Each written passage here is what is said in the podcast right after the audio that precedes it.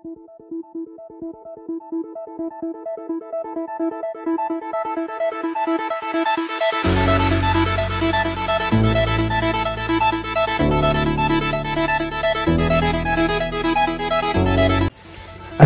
warahmatullahi wabarakatuh. Kali ini kembali lagi bersama saya Sony Afriansah ya di podcast inspiratif. kali ini saya mau ngobrolin apa ya untuk podcast kali ini. Tapi sebelum ngobrol itu saya ucapkan terima kasih yang sudah nonton podcast saya sebelumnya juga yang sudah membagikan podcastnya, yang sudah like, yang sudah komentar kemudian yang sudah dengerin mungkin ada yang dengerin berkali-kali juga uh, saya ucapkan terima kasih dan juga untuk kali ini saya mau cerita tentang dunia kevoluntiran. Dunia volunteer uh, bahasa Inggrisnya volunteer uh, bahasa Indonesia-nya relawan oke okay. kita soal bahas volunteer tapi sebelum itu seperti biasa saya ucapkan selamat. Lagi-lagi selamat ya namanya selamat pagi selamat siang selamat sore selamat makan selamat bekerja selamat santai sambil minum kopi sambil dengerin podcastnya aku. Oke kali ini saya bahas tentang dunia kevoluntiran. Kalau bahas-bahas dunia kevoluntiran saya sudah buat survei sebelumnya di Instagram yang dengan kata-kata gini. Apakah sur surveinya berbunyi seperti ini? Apakah volunteer itu sama seperti pembantu? Ada yang saya buat ya atau tidak ya atau tidak ya. Jadi jawabannya ada sekitar 28% mengatakan bahwasanya iya. Dan sekitar 72% mengatakan tidak. Waduh saya sedikit kecewa nih buat teman-teman uh, yang sedang ngisi polling di instagramnya saya. Bahwasanya volunteer itu disamakan seperti pembantu. Padahal beda sangat sangat beda beda sangat ya udah ngobrol ini ngobrolin apa? Padahal sangat beda sekali loh teman-teman semuanya teman-teman sahabat people. Bedanya apa sih? Nah kalau pembantu itu ada gaji. Nah misalnya ya kita sering lihat film-film di Indosiar atau film-film di SCTV atau lebih di film di televisi yang seri-seri film Indonesia. Ada pembantu-pembantunya kemudian di situ pasti pembantunya digaji kayak gitu. Dan juga ada ciri khasnya pembantunya. Oke nggak nggak ngobrol tentang gimana cara jadi pembantu ya karena bukan itu bahasanya tapi volunteer. Nah intinya pembantu di kedua ternyata pasti uh, bilangnya digaji. Emang ya digaji kayak gitu kan. Ya udah susah-susah capek nyuci baju ngepel dan sebagainya. Kalau nggak digaji ya kasihan dong ya. Nah balik ke dia yang volunteer kenapa nggak nggak sama persis seperti pembantu? Karena gini volunteer ada suatu kegiatan yang dia butuh volunteer. Dan ketika volunteer itu daftar dia tidak mengharapkan balasan untuk oh dia nanti digaji tapi dia mendapat ingin mendapatkan balasannya bahwasanya nanti uh, dia akan apa? Dia akan mendapatkan pengalaman baru di sini dia akan mendapatkan teman baru kayak gitu. Dan dia punya dapatkan mindset baru tentang program yang ia ikutin itu. Kalau masalah gaji dia nggak digaji dia capek-capek atau uh, terus juga dia uh, apa ya dibilangnya ya ngerela ngerelain waktunya. Dan itu untuk istirahat uh, nyaman-nyaman di rumah tidur tapi dia relevan untuk kegiatan volunteer dan ini adalah kerjaan mulia gitu jadi kalau ada orang yang bilang bahwasanya volunteer sama pembantu itu salah benar salah salah sangat salah. Karena kenapa? Karena volunteer itu tidak digaji dengan uang tapi karena di, bukan berarti dia tidak bernilai tapi karena dia sama, sama sekali tidak ternilai harganya. Jadi volunteer uh, berbanggalah hati kalau sudah pernah ikut volunteer kayak gitu. Dan alhamdulillah ya saya dulu kalau cerita tentang volunteer saya dulu adalah adalah orang yang belum punya mindset yang sama tentang dunia volunteer. Kayak volunteer tuh ngapain sih? Uh, kayak bantu-bantu orang gak ada gak ada apa ya gak ada apa sih kita dapat kayak gitu. Saya pikirnya seperti itu.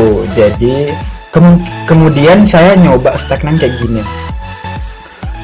Kalau organisasi misalnya kita itu ngikutin program kerja sesuai dengan apa yang kita telah uh, plankan ataupun telah rencanakan. Dan kita udah pasti masuk ke dalam organisasi itu mau kita hadir atau enggak terserah. Uh, tapi kalau di volunteer itu sepertinya kita harus tentang untuk hadir. Kenapa? Karena di program ini kegiatan ini cuma satu kali dan kita bukan termasuk dari bagian mereka dan kita hanya cuma bantu mereka. Jadi uh, sangat disayangkan kalau kita udah daftar volunteer tapi kita nggak ikut kontribusi kayak gitu. Jadi kalau ikut kampus eh, kalau ikut volunteer diusahakan juga hadir. Misalkan juga hadir di programnya. Dan juga biasanya kan kegiatan volunteer cuma dua hari atau tiga hari atau paling cepat satu hari kegiatannya. Dan gitu. Jadi intinya kita udah bisa pulang dan kita nggak masuk bagian mereka tapi kita cuma nolong mereka. Tapi setidaknya kita juga ada punya kenangan. Oh seperti ini. Dan ngomongin masalah volunteer juga kamu dapat harusnya dapat poin plusnya di sini yaitu kamu dapat ilmu baru kenapa kamu dapat ilmu baru? Jadi gini ceritanya saya sudah pernah itu ikut volunteer.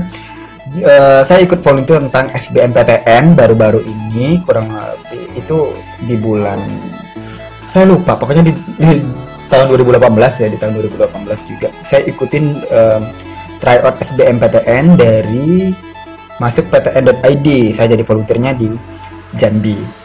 Nah di sini saya ketemu anak-anak SMA di sini di sini juga saya ketemu ketemu anak orang-orang baru kayak gitu orang-orang baru yang ternyata uh, satu kampus ada yang juga beda kampus tapi kami saling klop aja di sini untuk mensukseskan acaranya kayak gitu. Dan saya dapat insightnya bahwasanya oh seperti ini ya jadi uh, semangatnya anak SMA dulu yang dulunya saya pernah merasakan hal ini juga jadi kayak flashback masa lalu ya. Jadi saya flashback masa lalu juga kemudian oh seperti ini saya merasa gitu kan. Menjadi volunteer itu gitu.